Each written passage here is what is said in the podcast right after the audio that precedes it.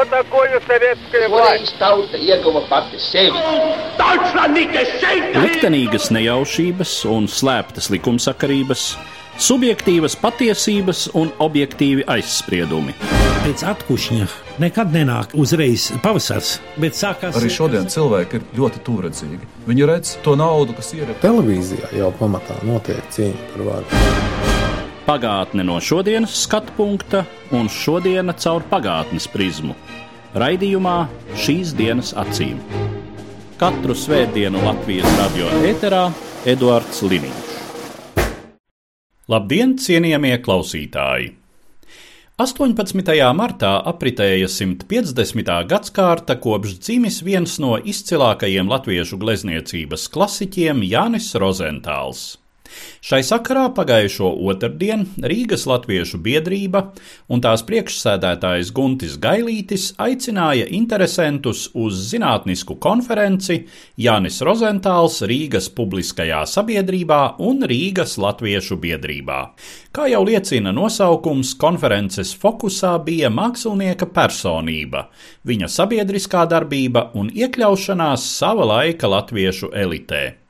No visa ārkārtīgi plašā priekšlasījumu klāsta, kas aplūkoja ļoti dažādas Jāņa Rozentāla personības šķautnes un arī sniedza plašu kontekstuālu ainu, šodien piedāvāju jūsu uzmanībai vien dažus fragmentus, kas iezīmē mākslinieka saistību ar citām kultūras nozarēm. Vispirms fragments no Latvijas Nacionālā vēstures muzeja rokrakstu zīmējumu, fotoattēlu un dokumentu kolekcijas galvenās glabātājas Sanitas Stinkules priekšlasījuma Latviešu etnogrāfiskā izstāde 1896. gadā un Jānis Rozentāls. 1896. gada 1. augustā Rīgā atklāja Latviešu etnogrāfisko izstādi. To organizēja Rīgas Latviešu biedrība kā vienu no pasākumiem desmitā Viskrievijas arheoloģiskā kongresa ietveros, kas togad notika Rīgā. Negribējās vairs sarīkot tikai senu lietu izstādi, bet izveidot to par kaut ko līdz šim latviešu kultūras dzīvē vēl nebijušu rādīt plašu kultūru vēsturisku latviešu dzīves panorāmu. Olēma izstādēja celt atsevišķas ēkas kādā no pilsētas laukumiem. Un Rīgas pilsēta Izstādēji atvēlēja laukumu starp pilsētas kanālu un Jēkaba ielu. Mūsdienās tas ir Kronvalda bulvārs, sākot no Nikolai bulvāra, mūsdienās Krišāņa Valdemāra ielas, līdz Miķeļielai, apmēram 2 hektāru zemes platīgā, kur namdaris Pēters Puselis pēc arhitekta Konstantīna Pēkšēna projektu uzbūvēja lielus pagaidu paviljonus, kuros iekārtoja 18 nodaļas ar vairāk nekā 8000 eksponātu. Tie bija Latviešu apdzīvotu apgabalu etnogrāfiskās un vēsturiskās kartes, statistikas un antropoloģiskās ziņas par latviešiem, latviešu tradicionālais apģērbs, rotas lietas, liecības par latviešu valodu, izglītību, literatūru, mūziku, teātru un mākslu. Priekšmeti, kas raksturoja latviešu saimniecisko darbību, demonstrēja arī vidzemes, kurzemes un latgales zemnieku mājokļu senākos un jaunākos tipus. Uzbūvēja pavisam četras ēkas dabīgā lielumā, kurzemes senlaicīgo dūmistabu ar lubu jumtu, vidzemes seno dzīvojamo riju, pirti un arī turīga 19. gadsimta beigu latviešu saimnieku dzīvojamo ēku. Tās arī pilnībā iekārtoja. Latviešu etnogrāfiskā izstāde kļuva par lielāko latviešu tautas, tās vēstures, kultūras un aktuālo sasniegumu reprezentācijas pasākumu 19. gadsimta beigās. To sagatavoja un tās norisi nodrošināja tā laika latviešu inteliģences elite, un vēlāk izcilie valsts vīri, zinātnieki un uzņēmēji, mūziķi, arhitekti un mākslinieki. To skaitā arī Jānis Rozentāls. Viņš izstādē piedalījās ne tikai kā mākslinieks, kurš izstādīja savas gleznas, bet bija arī 1895. gada 21. oktobrī izveidotās Latviešu etnogrāfiskās izstādes komitejas loceklis. No 1895. gada novembra līdz 1896. gada aprīļa beigām Rozentāls atradās Pēterburgā. Viņa diploma darbs Mākslas akadēmijā bija novērtēts ar pirmā šķiras mākslinieku grādu, bet viņš vēl turpināja kārtot eksāmenus teorētiskajos priekšmetos, un viņš Latvijā atgriezās tikai maijā. Tolaik tajā Pēterburgas posmā viņš bija tāds kā starpnieks vai kontaktpersons starp izstādes komiteju un Pēterburgā studējošiem latviešu māksliniekiem, pulciņu rūģis dalībniekiem. Jaunie mākslinieki apsolīja izstādē izlikt 25 līdz 30 eļļas gleznojumus, un latviešu etnogrāfiskā izstāde kļuva par pirmo izstādi, kur vienopus eksponēti latviešu mākslinieku darbi. Tēls nodaļa bija izvietota izstādes galvenajā ēkā. Eļas gleznas un akvareļus izstādīja Johans Valters, Vilhelms Purvītis, Ādams Alksnis, Artūrs Balmanis, Jānis Staņislavs Birnbaums, Pēters Balodus un Jānis Lībergs. Izstādes katalogā pieteikti arī Rihards Zariņš, Jūlijas Jaunkalniņš un Gotlīds Lapiņš, bet preses izdevumos viņu izstādītie darbi nav minēti, Iespējams, sākotnēji viņi pieteikuši savu dalību izstādē, bet darbus dažādu iemeslu dēļ neiesniedza. Laikraksts Latviešu avīzes 1896. gada 4. septembrī rakstīja, citēju: Priecāties, jāpriecājas, ka mūsu gleznotāji tik prāvā skaitā stājušies etnogrāfiskā izstādē lielākas publikas priekšā. Savus dziniekus latvieši labi pazīst. Arī mūziķi ar saviem darbiem nepaliek latviešiem sveši. Turpretī savus glaznotājus latvieši līdz šim pat nepazina. Dažs labs pat nedomāt nedomāja, ka mums ir it praus skaits jaunu apdāvinātu glaznotāju, no kuriem daži jau sasnieguši tiešām ievērojams panākums, no acīm redzot domāts Rozentāls. Rozentāls izstādē bija eksponējis vismaz desmit gleznas. Kapsētas svētki, Minēti arī kā miroņu svētki, tad ir krogā. Vēl viens nosaukums ir pagasta vecākajam krogā ienākot.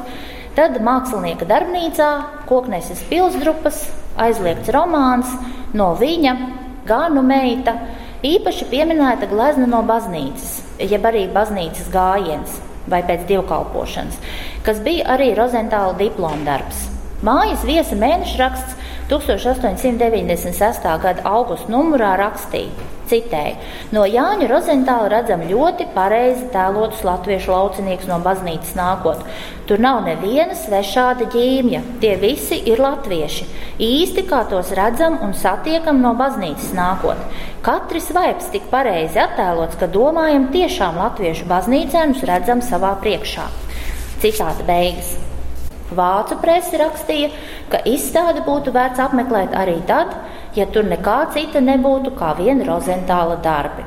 Bet, neskatoties uz lielo atzinību, neviena no rozentāla gleznām izstādē netika nopirkta. 1896. gada 18. decembrī laikraksta mājas viesis rakstā ar nosaukumu Uz dienvidiem, kas bija tā kā ceļojuma apraksts vairākos turpinājumos, Lasītāji iepazīstināja ar Itālijas arhitektūras, tēlniecības un tēlotājas mākslas pieminekļiem, bija lasāms. Citēju: Tiešām jānosargst, ka etnogrāfiskajā izstādē neviens no mūsu mākslinieku galvenākajiem darbiem netika no paštautiešiem nopirkti.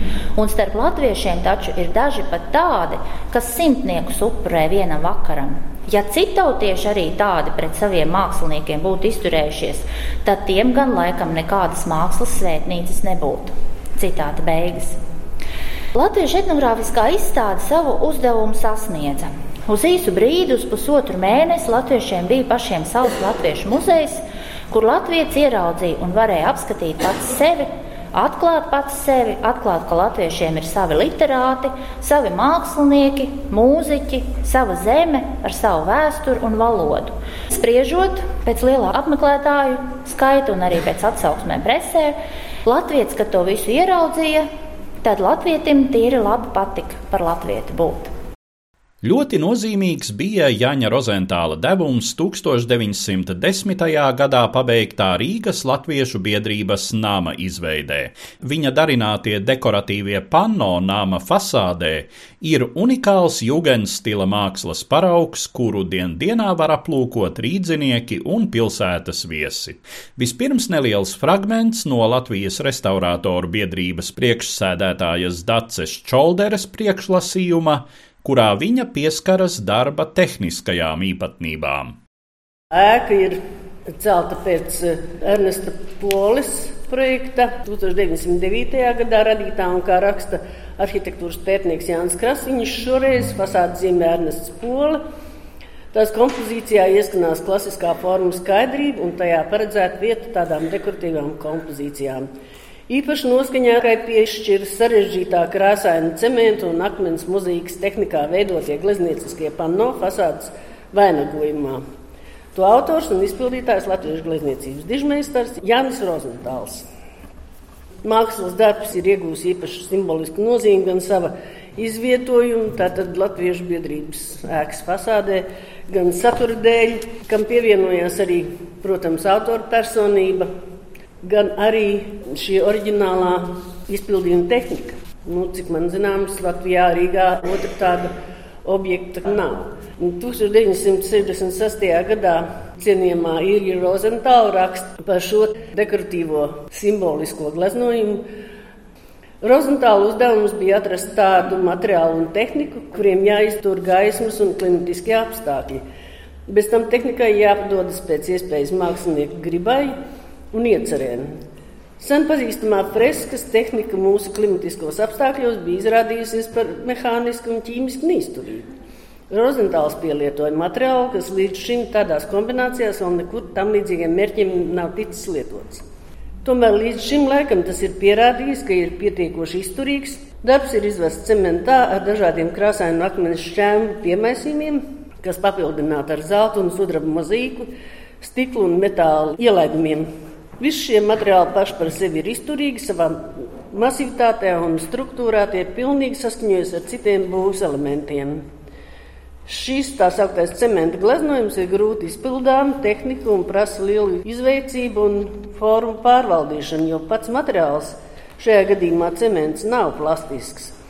Bez tam ierobežot to laiku ir bijusi krāsa izvēle, un maz ir bijušas krāsas, kas ar cementu savienojas un ir izturīgas. Rozentāla fresku saturiskajam šifrējumam sava laika ideisko un sociālo strāvu kontekstā pievērsās Latvijas Zinātņu akadēmijas prezidents Ojārs Spārītis, priekšlasījumā Jānis Rozentāls Rīgas pilsoniskās sabiedrības sapņu tulks. Visi mēs sekojam šajās dienās Gunta Gailīša aicinājumam mēģināt modelēt, kāda īsti bija Rīgas pilsoniskā sabiedrība gadsimtu mijā. Kāda bija šī Rīgas pilsoniskā sabiedrība un tās ideāli? Mēs vispār varam mērīt Latvijas inteliģences sākotni ar šo 300 tūkstošu zemnieku imigrāciju Rīgā laikā no 1870. līdz 1913. gadam.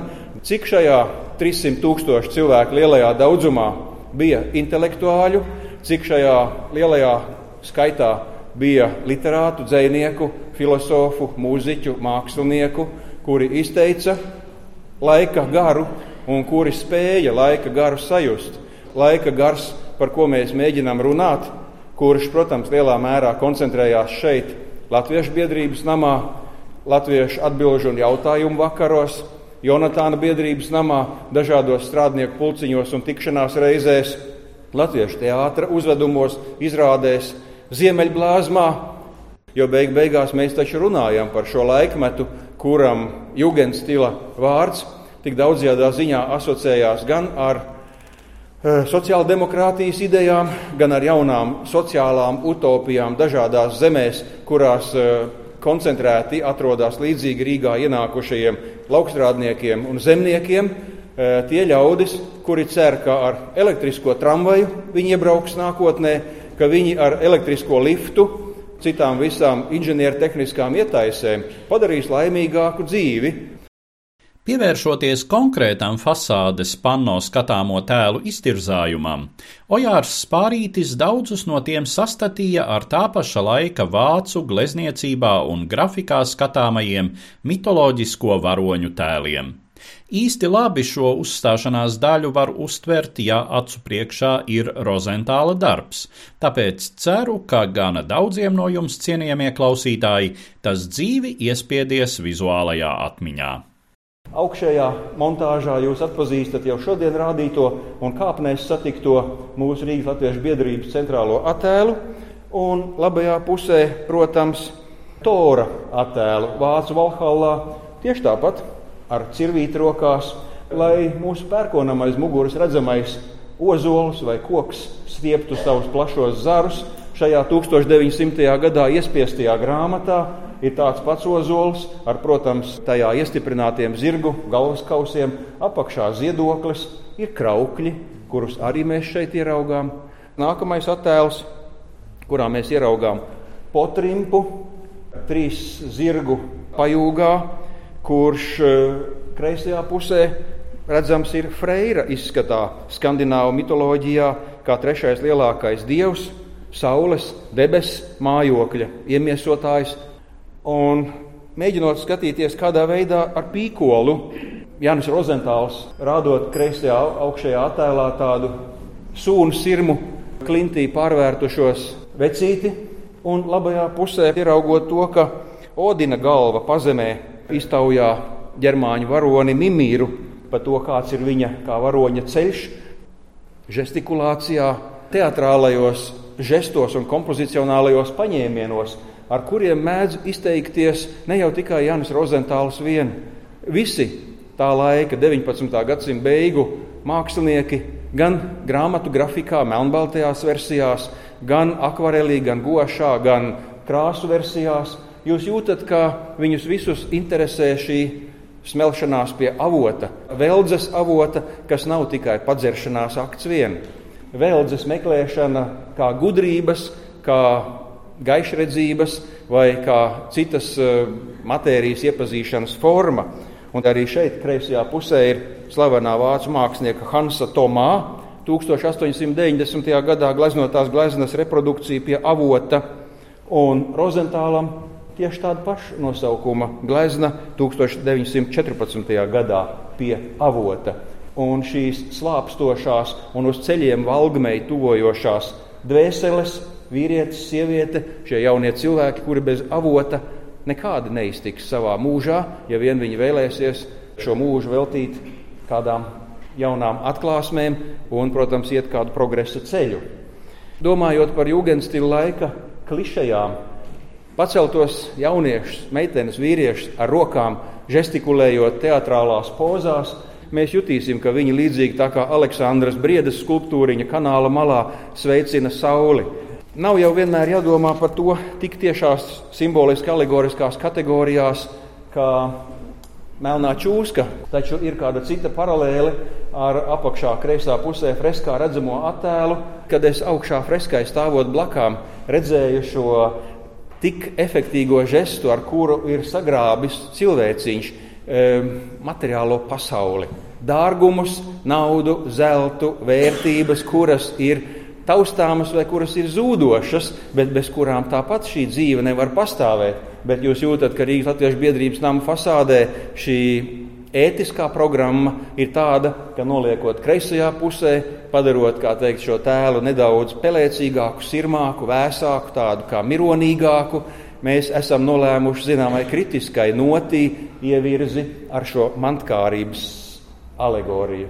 Taču atkal ir sveicošā alegorija, kurai rokas, un tieši tāpat kā arī arfas spēlētājai, paplešās pazīstamā žestā. Kreisais attēls ar mākslām ļauj mums vienā apvienot gan tēlniecību, kur rokās turētais nelielais tors par to liecina, mūziku, labajā pusē ir koklas fragments, glezniecību, paleti ar otām.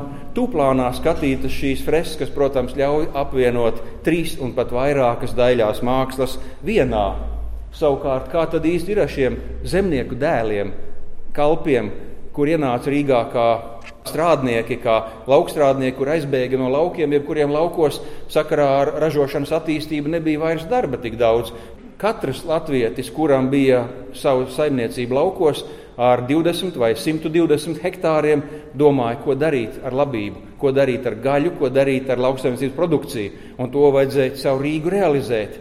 Un tādējādi, protams, šī cerērai tik ļoti līdzīgā labības kūlīšu sējēji, jūgendas stila tērpā un ar tādu jūgenda laikam raksturīgo frizūru ir pārnestā, vairāk transformētā veidā mantinieci savām senākajām priekštecēm. Rūpniecības alegorijas personifikācija, tehniskais progress Rīgai, kurā arī labprāt vēlētos piedalīties latviešu uzņēmēji, latviešu inženieri, kuri politehnikumā vai arī tērbatā vai kādās citās skolās ir iemācījušies būt par inženieriem, tehniski apdāvinātiem cilvēkiem. un spēt gan ne jau tikai uz kalēja laktas vien izkalt pakaus, bet darbināt zobratus, bet arī redzēt, ka šai alegorijai rokā ir Krišāņa Valdemāra rosinātais kuģītis. Un tikai savā veidā tāds sapņaināks tēls ir beidzamais, kurā mēs varam ieraudzīt šo izglītības un zinātnes personifikāciju, kurā zila zvaigžņu sega, zils zvaigžņu mētelis un cirkulis rokā. Un Lakats, kurš ir jāmāja tā kā bura, dod savā veidā cerību par to, ka arī Latvijas kādreiz tiks pie realizēta pilsoniskā ideāla, ja viņš sevī centīsies visām šīm četrām alegorijām dot savu vajadzīgo ieguldījumu ar savu centību, ar savu talantu, ar izglītību. Visbeidzot, fragments no literatūras zinātnieces Līvijas Volkovas priekšlasījuma Jānis Rozentāls, Rudolfs Blaumanis un Rīgas Latviešu biedrība. Tajā atklājas divu mūsu ģēniju, gleznotāja un rakstnieka, personiskie un radošie saskares punkti. Abi viņi bija ienācēji Rīgā. Rozentāls drusciņā agrāk jau parādās 86. gadā, un arī 3. 87. gadā Rīgā ierodas Rudolfs Blaumans. Un abi divi augst, protams, pēc garīgās dzīves, pilnveidošanas, attīstības un vispār pēc iepazīšanas, pēc tā, kas visapkārt šai situācijā Rīgā notiek, kur vērsties. Protams, ka iet uz Rīgas Latviešu biedrību. Un tā arī Rozentāls jau 86. gadā kļūst par Rīgas Latviešu biedrības biedru. Un Blaumans 1887. gadā, kad viņš strādā avīzē Cētumfirštāt un Landu. Un viņu saistība abiem diviem ir ar teātri. Pirmā Rozentālām nepastarpināti tieši, jo viņš ir teātris korists un statists un jūsmo pa teātru un iet uz izrādēm un bauda to, ko var šeit iegūt. Laumanim tā saistība ar teātri tāda, ka viņš, kā viņš pats izsakās, deldē savas bikses Rīgas Latviešu teātrī kā kritiķis un raksta recenzijas. Turklāt slepeni auklēdams sapni arī dzan par to, ka šī teātris iepazīšana un vērtēšana viņam varētu savu laiku arī noderēt pašam. Kā viņi šeit biedrībā iepazinās? Kārlis Ziļa ir pirmais, kurš piemin gada skaitli 1893. Jo visa cieņa, kas savu biogrāfisko romānu Jānis Rozentāls Kārlis Zille ir eh, rakstījis eh, pamatojoties uz sava laika visiem tiem vēl dabūjamiem cilvēkiem, kuri ir bijuši laika biedri arī ar Rozentālu. Man ļoti mulsina, ka vēstuli, ko Rozentāls raksta 1893. gada vasarā, tūlīt pēc iepazīšanās ar Blaumanu, ir tik familiāra, tik ampelīga, varētu teikt. Un tai laikā gal galā raudu pieks un pērkoņa negaisa autors jau ir Blaumanis, ka viņš tur viņam aizrāda, ka viņš nu tā lāga nesaprot, kādas ir īsti atskaņas, un vidzemnieki vispār tur neko nesaprot, kur zemnieki tikai un tā tālāk, nu, sakot, tādā stilā kaut kā ļoti, ļoti šaubīgi liekas, vai tiešām tā varētu būt pirmā vēstule tikko kā iepazītam rakstniekam. Domāju, ka Rīgas Latviešu biedrībā viņiem bija kopīgi draugi. Un Rozentālam pirmie draugi, ko viņš iepazina savā skatuves gaitās, bija Jānis Brigaders un Anna Brigaders skatuves vārdu māja. Tad Dācis Akmentiņa, Pēters Ozoliņš, tas vēlāk kļūst par viņu sirds draugu. Daglaus jaunais rakstnieks, tie visi tie paši cilvēki, kuri ir ļoti tuvi arī teātra visā procesā, ar kuru Blaumans saskaras. Ļoti iespējams, ka viņu pazīšanās abiem diviem kas ļoti drīz kļūs par radošu draudzību, arī varētu būt gan bijusi senāka nekā tikai 1893. gadā, jo Blaumans jau ierodas Rīgā jau 891. gadā atkārtot atkal un kļūst par biedrības teātra komisijas locekli. Tātad, lai kad arī būtu tā iepazīšanās notikusi, bet nu, fakts ir tas, ka viņi atraduši ir viens otrā tiešām domu biedrus, kas turpinās līdz Blaumeņa pēdējiem mūža brīžiem, kur Rozentāls un īpaši Elīja Rozentāla ir ārkārtīgi nozīmīgs faktors tam, ka Blaumans savus pēdējos mūžu mēnešus var pavadīt nevis bezcerībā un izmisumā braka istabiņā, gaidīdams nāvi, bet ar gaišu cerību tomēr būdams Somijā, Takahāri sanatorijā, kur Elīja Rozentāla ir viņam izkārtojusi, jo tik smags slimnieks nemaz normāli šī sanatorija neņēma.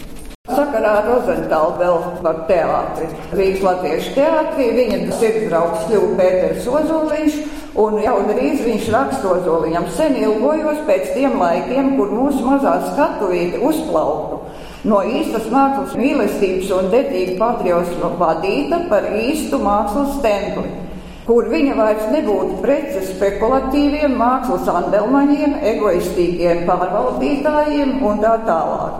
Mūsu teātris man ļoti dziļi interesē.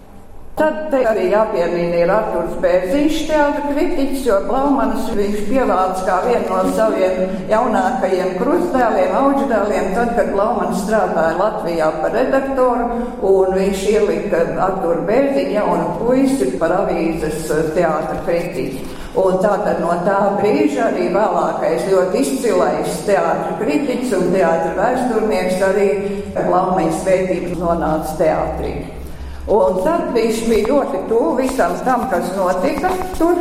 Un ļoti interesants ir viņa viens tāds nolasījuši pagarāku citātu. Pēc akadēmijas Rozentāls vienu laiku saldoja teātra režisors, aktieris un dekorators vienā personā. Dzīvotams Rīgā viņš nepalaida garām neviena paša izcilāka gadījuma latviešu teātrī. Latvijas autoru lūgt pirmizrādēs viņš vienmēr bija saskatāms pirmajās rindās. Joklugās īpaši Blaumaņa Rozentāls smējās kā putināts, drāmās dzīvoja līdz autoram un aktieriem, bet, ja izrāda bija priekana, neganti rūca, strupri visiem acīs teikdam skailu patiesību. Atceros daudzas Rozentāls sarunas par teātri ar Blaumanu, Annu Brigaderu, Jānu Brigaderu, Pēteru Ozoliņu. Vienmēr viņam bija jaunas, nepiekāpīgas prasības no aktieriem un rakstniekiem, bet bieži arī aplaimot pateicību, ja no Lūgas bija saņēmis jaunus mākslas impulsus. Diemžēl arī Rozentālam šī teātra mīlestība beidzās, kad viņš no biedrības sakaitināts. Tas bija, ka bija jānodibina 912. 13. gadā komisija, kas uzlabot Rīgas latviešu teātra darbu. Un tur bija arī Rozentāls, bet šīs komisijas darbu atkal grupējums Rīgas latviešu biedrībā, kur bija Frits Svenbergs, tas galvenais diriģents. Un eh, to izšūpoja cauri, nepieņēma to komisijas gada ilgo darbu, kur bija kā 20 dažādu lietpratēju no dažādām nozarēm darbu komisiju. Un tad, kā Artūrs Bērziņš raksta, ka Rozentāls ir bijis tik aizvainots un tik sakaitināts, ka pēc šīs izbalsošanas viņi visi gājuši lejā biedrībā uz bufetu Un Rozentāls ir, ir paņēmis savu biedrkārtu, pārplēsis uz četrām daļām un nometis zemē un teica, ka ja tā te notiek, tad nu, nav tālāk vairs nekādas darīšana. Nu, un tā arī Bērziņš nobeidza to, ka Rozentālam bija zelta sirds ar dzels ietvaru. Zelta sirds ar dzels ietvaru. Ar šo spilgto Jāņa Rozentāla personības raksturojumu gribu noslēgt šodienas raidījumu, kas bija veltīts izcilā gleznotājas 150 gadēji un konferencei, kas šajā sakarā pagājušo nedēļu notika Rīgas Latviešu biedrībā. Uzredzēšanos cienījamie klausītāji! Katru svētdienu Latvijas radio viens par pagātni sarunājas Eduards Liniņš.